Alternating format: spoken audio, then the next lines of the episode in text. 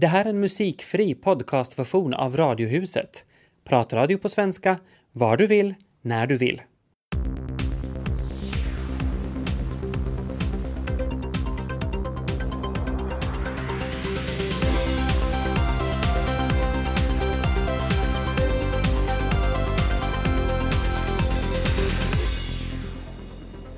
Vad tar man sig till när julen står för dörren och man inte har maten klar? Spar på paniken, de bästa sista minuten-tipsen får ni av vår kock. Välgörenhet eller julkort? Hmm. Varför inte både välgörenhet och julkort? Bra fråga, det undrar Tina Grönros i Ekenäs. Som har sällskap av Tobias Larsson i Helsingfors. Välkomna in i Radiohuset.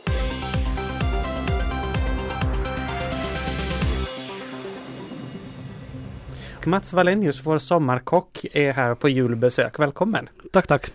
Eh, varför, om vi börjar i den ändan, varför är julen så starkt kopplad till mat?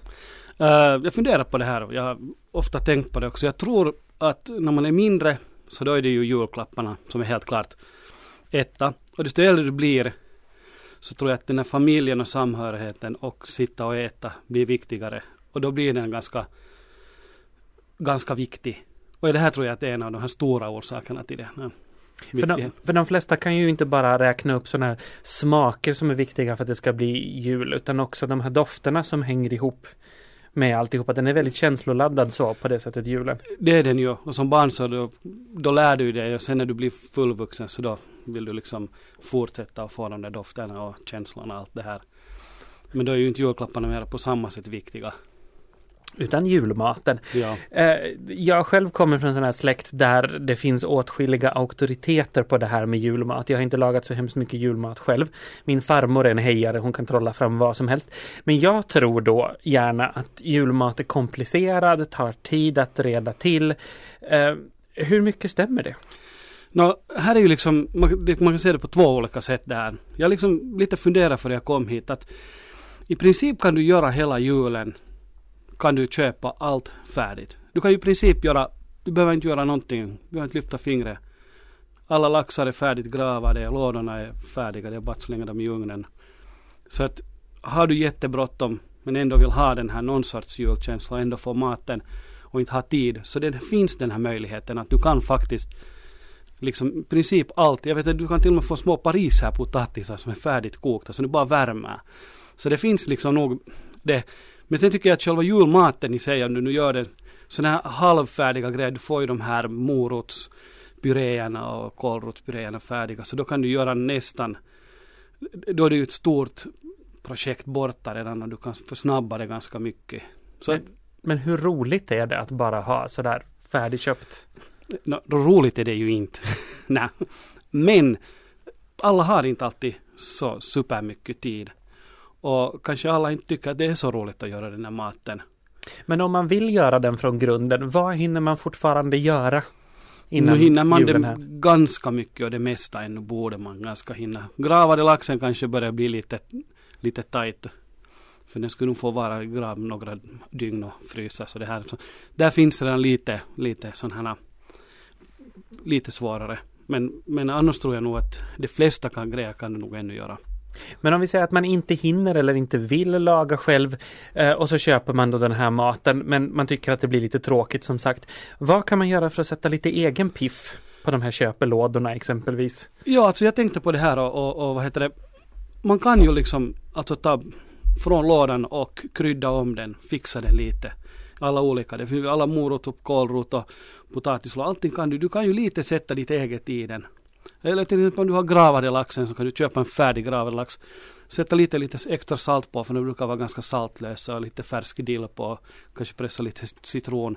Så du kan nog göra ganska långt också om du vill liksom försöka få egna grejer in där. Men om man tar en sån här vanlig låda, säg en vanlig potatislåda. Hur ska man krydda den? Du säger att man kan krydda upp den lite, men ge ett tips. Ja, men alltså kålroten kan du sätta till exempel lite sirap till i. Äh, morotslådan kan du sätta lite muskot, nöt, lite salt. Potatislådan den är ju kanske den svåraste av alla för att om man har den här imeletty, den här lite lösare, så den är ju kanske svårast att, att fixa mera tror jag. Och sen hör det inte själv till min personliga favorit heller. Så att, så att, men alla de andra går ju hemskt bra att fixa. Nu har du någon batatlåda till exempel så kan man ju riva lite färsk ingefära i den. Eller, så det, det, det finns lätt att fixa lite till på dem. Och om man då vill ge sig på att grillera en skinka och aldrig har gjort det förut, eh, vad ska man tänka på? Uh, no, skinkan tänkte jag ändå ta upp några grejer före grilleringen. Att, mm. Vad heter det? Uh, jag har en liten känsla av att skinkan att, att, att där skulle jag helst inte gå och köpa en färdigt stekt skinka.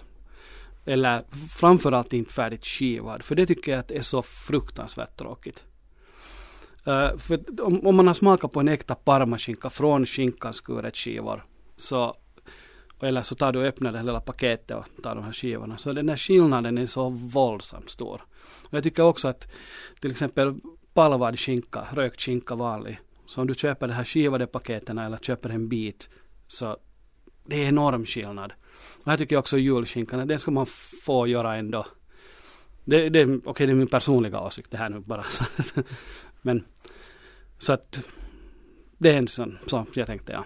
Mm, men om man då har den där att man inte tar den som är allra mest förpreparerad. Vad, vad är ditt bästa skinktips? Utöver det, när man ska grillera den?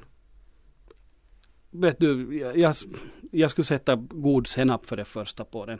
Jag är ju en stor dijon-vän. Och så har nu kommit den där, eller inte kommit och kommit, men det finns den här honungsdijonen som jag tycker om extremt mycket. Så den, använder bra senap, där är ett bra tips. Inte snåla där mera utan sätta bra, bra grejer på till exempel. Och i övrigt, eh, om man vill ha sådana här sista minuten tips om man tycker att man då har köpt mycket saker. Eh, julbordet känns lite opersonligt. Vilket är ditt bästa sista minuten tips för att sätta den här extra piffen? Ja, alltså, alltså det beror ju på om du, om du liksom vad det är du vill liksom förbättra. Alltså som jag sa just att laxen, den går hemskt lätt att liksom fixa lite, sätta eget, om du inte har själv gravat den. Och du vill få den där, så då går det att liksom lite krydda extra den eh, sån här. Och sen kan du göra de här till exempel julstjärnorna nu för tiden, så du behöver inte göra själv den där degen, utan du kan köpa dem och skära upp och fixa ganska snabbt. Och då ser de ju ändå liksom hemgjorda ut, fast de är liksom färdigt degbotten gjort där får man en ganska fint prägel. Det ser ut som eget fast man får lite, lite hjälp på, på och vägen. Så, så får man med doften också Exakt. när man gräddar den själv. Vad tycker du själv att man inte kan vara utan på julbordet? No, jag har nu sådana vissa små saker. Jag, jag har leverpastejen tycker jag att är ganska viktig. Rödkålen. Det hör till sådana saker som jag nog hemskt, hemskt gärna inte blir utan. Men vad kan, man, vad kan man lämna bort? Det är ju jättemånga som gör helt förskräckligt mycket mat. Vad, vad kan man lämna bort med gott samvete? Alltså, hemma hos oss har vi ju det att vi har ju inte lutfisken mera på julafton. Utan det är följande dag. Så den kan man hemskt gärna lämna bort till julafton. Sen kan man ju liksom kanske tänka att den här julgröten om man vill ha det som dessert så kanske det blir lite, lite tungt. Så den kanske man också skulle kunna spara till julannandag kanske. Och lite, lite skruva på de här, liksom de tyngsta grejerna. Och kanske bara julstjärna då till exempel till dessert istället, lite lättare och lite sånt här. Så till exempel här. Till sist Mats Wallenius, du jobbar ju med att laga mat. Hur mycket julmat lagar du själv hemma? Uh, jag gör det på det sättet att min storebror fixar det. Så oändligt praktiskt. Jag tycker det också. Det bästa jultipset, ha en bra släkting som lagar all mat åt dig. Sen ställer, sätter ner i den bekvämaste stolen och bara njuter. Tack så mycket Mats Wallenius för att du kom hit och en riktigt god jul till dig. Tack själv.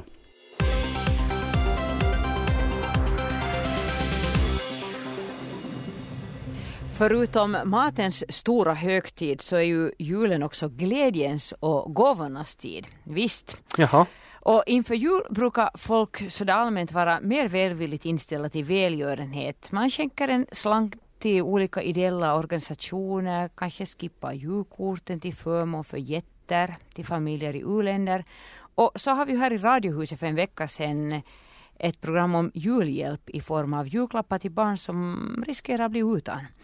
Det här var ju det här välgörenhetsprojektet Joulupo för barn i åldern 1 till 17 som får en julklapp då av privatpersoner eller företag som donerar gåvorna. Och det kan man inte nog understryka hur bra det är. Nej, Jag nej, tycker och- faktiskt att det är ett jättebra initiativ. Och nu är ju det här projektet avslutat för det här året. Men vad jag har förstått på eh, flera representanter från juniorhandelskammare runt om i landet så har årets insamling gått jättebra. Och paketen har nu gått vidare till socialbyråerna som delar ut den till barn och ungdomar. Överraskande många barn här i Finland faktiskt. Det har man också sagt på många småorter. för vi lever väl kanske i den där tron att alla har det ändå så pass bra att man kan köpa julklappar till barnen men så är det ju inte. Sen måste jag säga att jag är lite småbarnslig när det gäller julkorten. För jag blir så glad när jag får e-post eller sms av goda vänner som skriver att de istället för traditionella julkort har betalat lite extra till välgör, välgörenhet. Men samtidigt, fast jag blir så glad över det här, så hör jag till de som också tycker om att skriva julkort och också att få julkort. Såklart. Mm, December är sådär extra rolig. För i dagens läge är det ju så att man sällan får annat än tidningar, reklam eller räkningar i postlådan.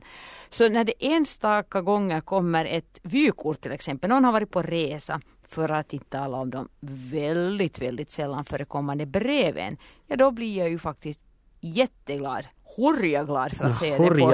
Ja. Ja. Så därför har jag tyckt om den här trevliga traditionen med julkort. Mm, men sen om valet står mellan välgörenhet eller kort så då är ju nog välgörenhet bättre. Fast till ensamma människor så kanske de här julkorten också är detsamma som välgörenhet. Jag tycker inte att det ena behöver utesluta det andra. Vad tycker du Tobias? Jag tycker att man kan skicka ett julkort till ett fysiskt julkort till folk och berätta att man har skänkt också en liten peng till välgörenhet. Ja men det är ju en bra kombination. Ja, Mm. Nog om julkorten. I Radiohusets sändning efter halv fyra ska det också handla om välgörenhet. Eller hur man kan ge en viktig, ovärderlig gåva helt gratis.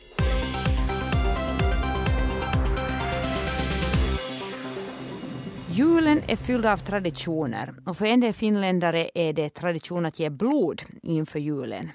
Susanne Ekblom Kullberg är läkare på Röda Korsets blodtjänst. Hur ser situationen ut just nu i er blodbank? Eh, ja, det ser ut som tidigare år att traditionen fortsätter och eh, det, det som är en positiv trend är att, att folk har redan senaste vecka aktivera sig och vi hade en riktigt eh, fin vecka med, med dryga 6 000 blodgivningar förra veckan och, på det sättet har vi börjat den här veckan jättebra med fyllda lager och, och också den här början av veckan har, har gått bra. Nu är vi ju lite oroliga för hur den här, den här sista dagarna inför julen kommer att utveckla sig. För det, det, är, det som skulle vara viktigt är att få, få en jämn ström nu också de här dagarna kring julen så att vi får av trombocyterna, de här blodplättarna som är hållbara bara i fem dagar. Hur är det såna på mellandagarna? Brukar det vara rusning till blodtjänst också då? Då är det nog lugnare och, och det där men att det, det har vi ju nog också försökt påpeka att det skulle vara viktigt att få då sen också under mellandagarna just på grund av de här trombocyternas korta livstid. Och det där, det har nog i allmänhet lyckats bra. Det beror ju lite på året. Att, att som i år har vi en hemskt kort julhelg så då har vi ju lite flera mellandagar. Medan ibland så, så drar ju veckoslutet ut och det blir det korta eh, veckor emellan. Men då har vi ju ofta också någon extra öppethållningsdag under helgen. Det har vi inte här året. Att vi har mm, in, inget blodgivningsställe öppet under, under ju, julafton, juldagen heller eller julannandag det här året. Så att därför är det då viktigt att komma ihåg under de här vardagsmellandagarna att, att det här är en, en mycket viktig och ovärderlig gåva man kan ge både före och efter julen och, och också sen vid omkring den där trettondagshelgen och mellan nyår och 13 Finns det risk att de här trombocyterna, när de blir gamla eller att någon blodtyp eh, helt enkelt tar slut just på grund av att det är så mycket här nu kring jul, nyår och trettondagen? Eh, no, risken finns men att inte har vi någonsin varit ens nära att det skulle ha eh, gått på det sättet men därför är det ju så också att vi, vi försöker påminna och det där och, och, och ett stort tack till alla blodgivare som nog också hörsammar oss och, och under alla dessa år har det ju alltid gått väl i varje fall fast vi alltid lite kanske är lite oroliga just i sådana här situationer. Var allstans kan man ge blod? No, man kan ge blod på, på eh, allt som allt eh, 18 olika ställen i Finland, men om vi tänker nu på då eh, svenskspråkiga regionerna, kusttrakterna, så har vi ju då i Helsingfors har vi eh, Sanomahuset riktigt i centrum och sen det där Stenhagens blodtjänstbyrå i, i norra delen av Helsingfors. Och sen nu inför julen har vi Östra centrum, ett, en sån här mobil blodtjänstgivning som är öppet ända, ända från den här veckan fram till 13 dagar. Och sen har vi då de här fasta blodtjänsterna i Åbo, Vasa, Karleby och sen mobila blodtjänstställen måste man kolla upp på vår, vår kalender att det varierar lite. Var kan man kolla öppettiderna? Eh, man kan kolla det på våra hemsidor www.blodtjänst.fi. Där finns en, en kalender eller så kan man också ringa vår eh, avgiftsfria infotelefonnummer eh, som är 0800 05801 men att också den hittar man på hemsidan förstås. Så man kan alltså ge blod ännu till exempel i morgon, dagen före dopparedagen? Imorgon kan man ge blod och de flesta på större orterna är de här blodgivningsställena öppna till klockan fem, i, stort, i de flesta ställena på Sannamahuset till klockan sex på mindre orterna till klockan fyra. Och det där, ja, så det hoppas jag faktiskt att de som nu ännu har, har eh, lite tid mellan allt annat jul, julpynt och julbrådskande och julshoppande skulle, skulle ge sig tid att komma också och tycka sig in för att ge blod. No, Susanne Ekblom Kullberg, du är läkare på Röda Korsets blodtjänst, men brukar du själv också ge blod? Jo, det brukar jag, ja då, då när jag kan, nu är det ju då, det, det är viktigt också förstås för det man kommer att ge att, att kolla upp det här att kan man ge till exempel har man nu varit på en, en resa någonstans i områden där det finns malariarisk så, så måste man ju tyvärr vänta ett halvt år innan, innan man kan ge blod på grund av de här bestämmelserna med infektionsrisker och annat. Ja. Mm, och sen förstås de här sedvanliga uppehållen, man får ju inte ge blod för ofta och så vidare. Varannan månad för män och med tre månaders mellanrum för kvinnor och sen måste man ju vara 18 till 65 år eh, ålder och, och det där att väga över 50 kilo. Det är nu de här grundförutsättningarna. Tack ska du ha Susanne och en riktigt god jul till dig. Tack, och det önskar jag dig också och alla blodgivare och alla som, som eh, på det sättet är intresserade av hjälpverksamhet. Ja. Jag heter Robin. Vad tror du blir årets julklapp i Finland? Nå, no, nu blir det ju något sånt där, säkert rattkälkar och sånt som de brukar köpa. Mycket sådana små leksaker. Vad önskar du själv då till julklapp? Jag vet faktiskt inte riktigt, det finns så mycket så. Eppaslalomglasögon. Jag heter Vilma. Vad tror du att blir årets julklapp i Finland? Och kanske någon dance, dance star party eller någon spel. Vad önskar du dig till julklapp?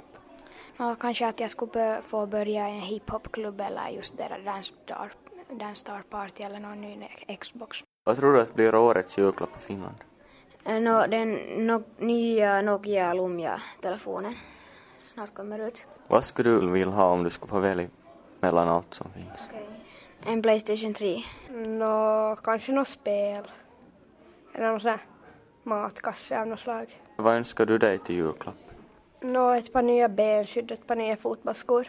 Jag heter Markus. Vad tror du att blir årets julklapp? Jag tror att det blir en iPod eller iPad. Vad skulle du själv önska dig om du skulle få välja?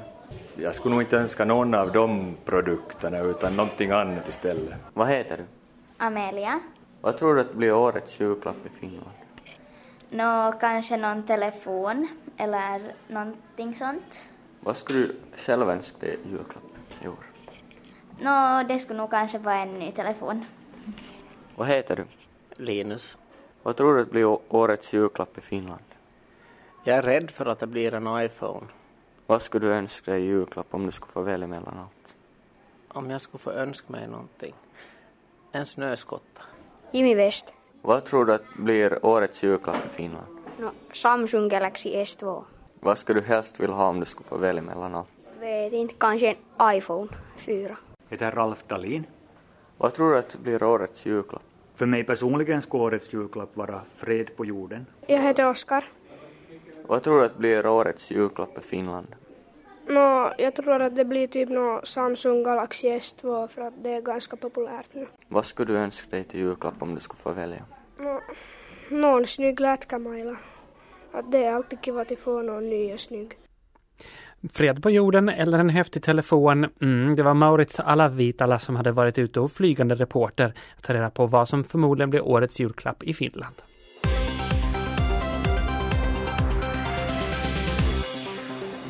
Jag tänkte bara när jag hörde där Maurits äh, prata med folk om önskejulklappen och allt var något med i, iPad, podd och phone. Så jag tänkte på vitsen om pappan som står där uppgivet med plånboken tom och säger I paid.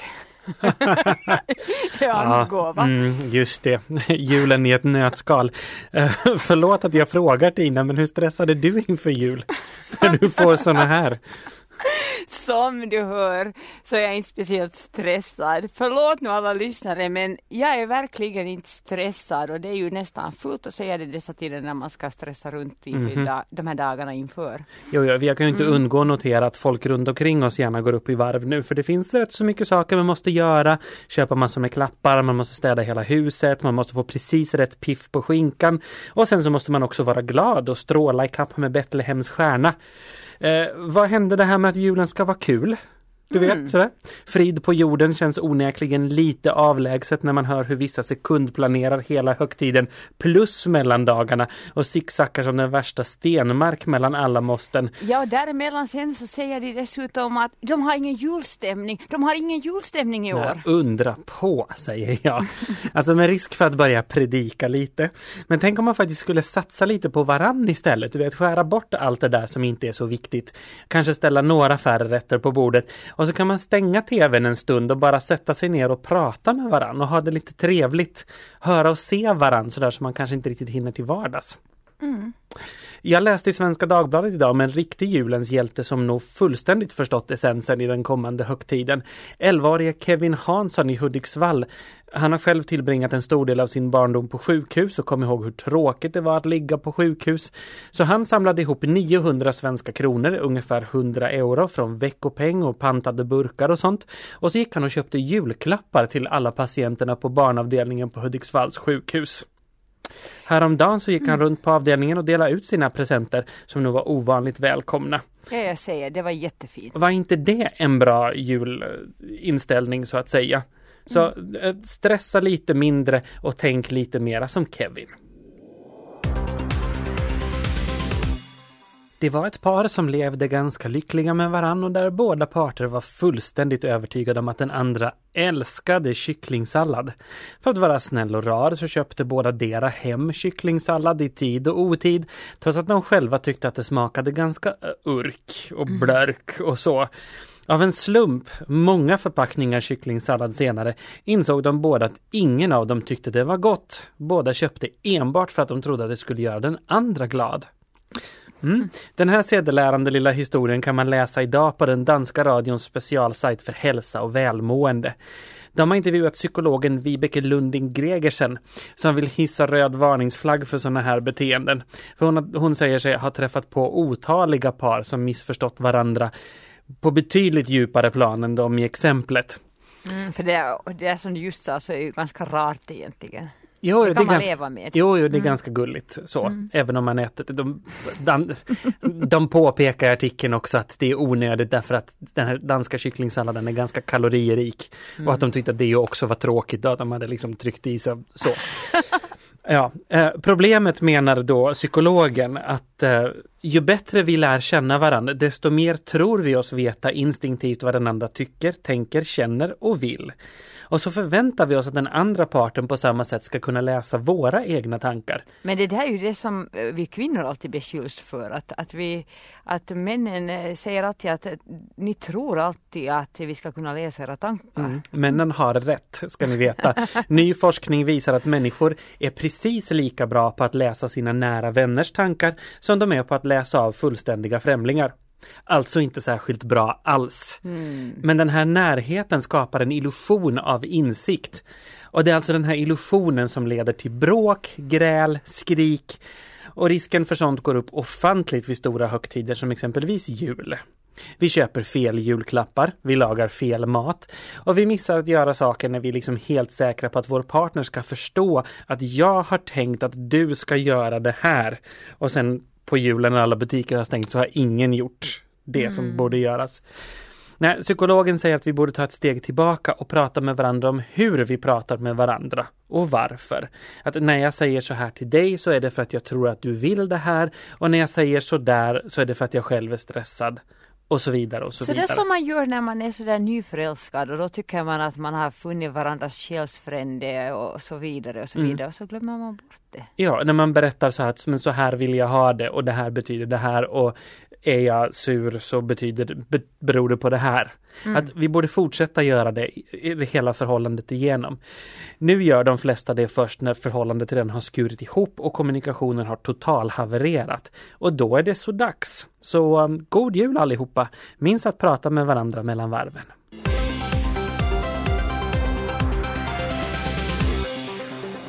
Om man är Vasabo så kommer man nog förbi Löfmarks också som finns i saluhallen.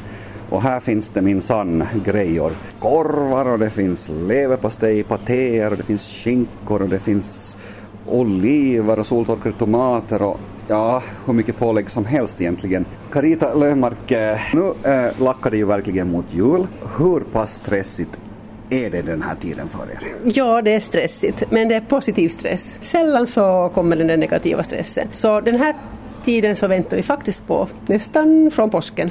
Eh, Just nu så är det lugnt och det är väl därför jag fick tiden också med dig här Ja. några minuter. Jag tycker vi ska dyka och titta på den här specialiteten som, som är Löfmarks egen och det, det är den här rullsyltan.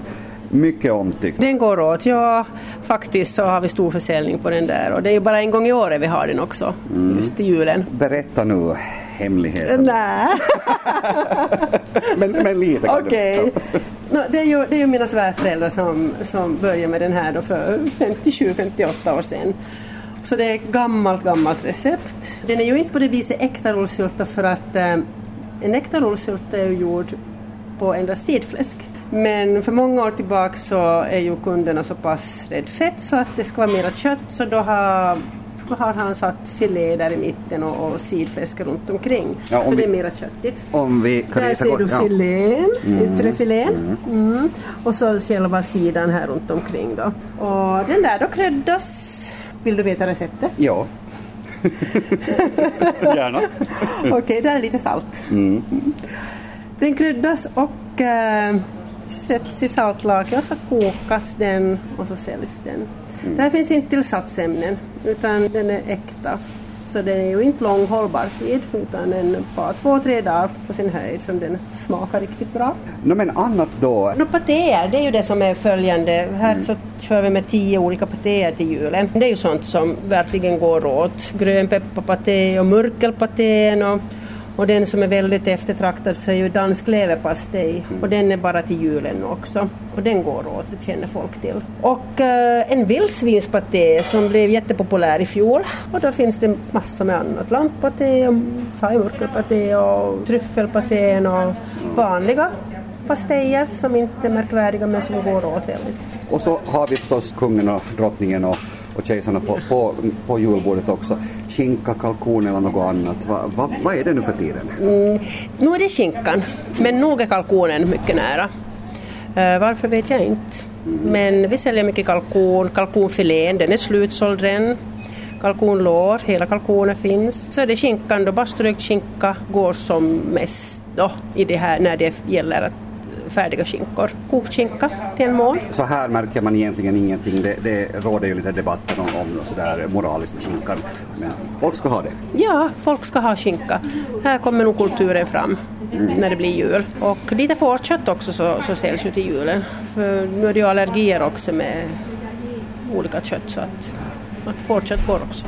Då har jag ställt mig framför en, eh, ja man får väl säga att det är en ren delikatessaffär. Juhani Kari, du säger att du är springpojke men också gift med ägarinnan som driver den här eh, verksamheten. Precis. Hon började med några kvinnor tillsammans en blygsam kryddaffär och så konstaterades ganska hastigt att kryddor köpes bara 20 gram om året och med det lever ingen butik. Och kamraterna lämnade butiken, frun lämnade kvar med sina problem och så har vi utökat sortimenten så att det skulle finnas någonting för nästan alla att, att bjuda. Och det verkar det finnas också. Det finns godsaker, det finns lyxchoklad och det finns karameller, godisstänger. Och alldeles speciellt eh, kan man väl säga att ert kaffe är för, för där finns det urval. Där finns urval. Då vi lärde oss att en mager liten sortiment räcker inte till att hålla butiken levande så har vi utökat och koncentrerat på kvalitet och sortiment. Och nu har vi med kaffe kommit så långt att vi tror att vi är traktens mästare säkert, Stora Neidens mästare mycket säkert, kanske hela Finlands mästare. Oj, det var inte lite det. Vem berättar inte, varför? Det är inte Ja. lite, men, men om du tänker att vi importerar en stor del av kaffesorterna själv. Vi har ungefär 50 olika kaffetyper att bjuda, så vi har en smakregister som täcker kaffe som det, eh, det drickes här i Skandinavien, som det drickes på eh, Medelhavets stränder. Det finns kaffe som man dricker i Indien och det finns kaffe från alla världsdelar. Och vi har en egen rosteri så att vi kan rosta kaffet enligt våra egna idéer och kundernas önskan även utanför den här sortimenten. Så är man en riktigt stor kaffeexpert så, så då, då får man sparring motstånd av er och tillsammans liksom hittar ni det där rätta mixen, eller? Ja, ser du, de flesta människor aldrig dricker mera än en kaffesort och de tycker att det är världens bästa. Men vad vi lärt oss under den här perioden, äh, kaffevärlden är mycket omfattande, det finns miljoner smak och det finns äh, hundratals kaffetyper och vi har försökt samla hit en sortiment som ger en och var en möjlighet att bekanta sig med kaffets eh, grundtyper från olika världsdelar. Därför har vi 50 stycken kaffesorter som är unika som inte säljs annanstans, som vi har valt tillsammans med vår kundkrets och som vi tror och som smakar i våran mun det bästa som finns. Oj, det låter bra det där. Ska vi gå och ta ett smakprov? Vad vill du bjuda på? Vilt kaffe skulle jag gärna bjuda dig för jag är säker att du har aldrig druckit det som växer vilt i Bussinians skogar. Då gör vi det. Fiskdelikatesserna, de hör ju absolut till julbordet också. Jag ska haffa en man här. Hej, vad heter du? Bo Södergård. Vad ska det finnas på ditt eh, julbord i, i fiskväg? Lax och lite det här, an- här sill och sånt. Lite olika sorter, gravat och i ugnen och också sånt. Mm. Och sen om man tänker på, på köttdelen, så vad ska det vara där? Vi är inte riktiga köttätare men lite skinka ska det vara säkert. Och kanske några köttbullar åt barnbarnen. Mm. Mm. Och, och, och, andra godsaker, det finns ju hur mycket som helst här i hallen. Om man bara får vända sig om så, så ser man hur det är med choklad och sånt. Där. Nå, choklad går ju alltid. Inte så stora mängder men i alla fall. Och vad var det du vad tog här idag? Jag var och köpt skinka idag därifrån Löfmark. Mm. Och så var jag och beställde lite si- sill härifrån. Nu börjar julen vara liksom okej. Jo, jo, jag tänkte jag skulle komma lite på förhand så att man behöver stå här dagen före julafton. Och verkligt uppskattat eh, här i saluhallen så är ju också fiskedisken och Ruotsala har funnits länge. Reijo Ruotsala, det är du som har drivit den nu sedan sex år, har tagit över efter din mamma. Hur går det med affärerna så här inför julen? Nå, inför jul går det nog jättebra. Det är ju absolut brådaste tiden på hela året. Det är flera gånger mer än någon annan månad. Vad är det bästa med att stå här och, och hålla på med fisk? Kunderna. Det är jätteroligt att betjäna kunder och, och kunna uppfylla kundernas som önskemål. Att om de kommer och säger att nu har jag ett problem, att kan du hjälpa mig med det här?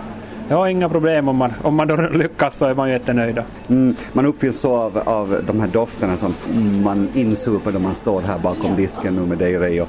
Uh, nu inför julen så, vad ska folket ha? Absolut. Gravad lax, jättemycket går det av. här, För vi gravar laxen själv och skivar den för hand och allting. Inläggningarna går det förstås mångfaldigt jämfört med på julen sä- säljer vi säkert lika mycket inlägg, inlagd strö- strömming och sill som vi säljer på resten av hela året. Lutfisk, massor. Konsumtionen har gått ner lite varje år, men inte något, inte något drastiskt. Utan, men man märker här att trenden är att kanske riktigt de här ungdomarna har inte nappat på lutfisktraditionen. När väntas den allra största julruschen infinna sig? Hela julveckan är nog jättebrådis, men absolut mest kaos om man säger så, så är det 22 och 23 december.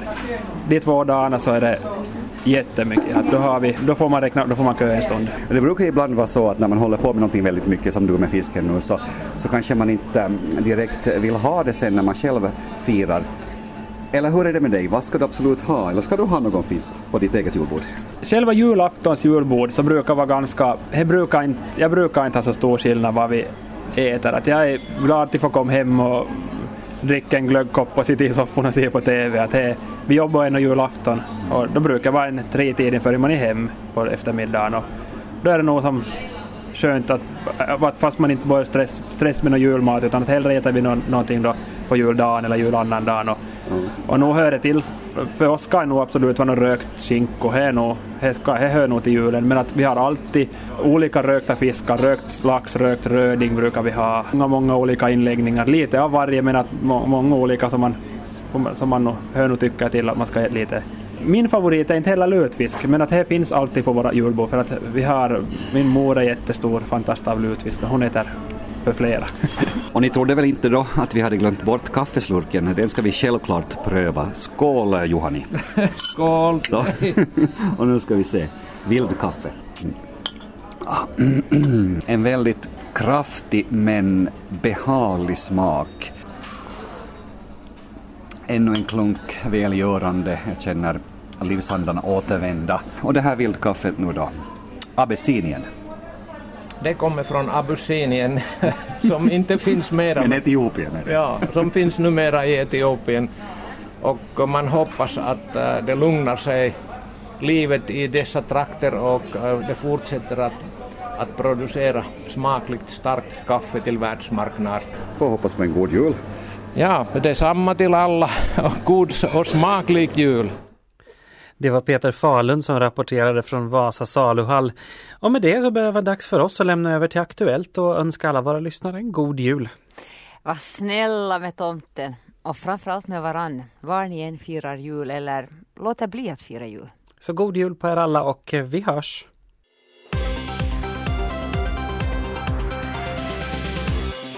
Det här var en musikfri podcastversion av Radiohuset som sänds i Radio Vega måndag till torsdag. Mer information om programmet hittar ni på svenska.yle.fi radiohuset.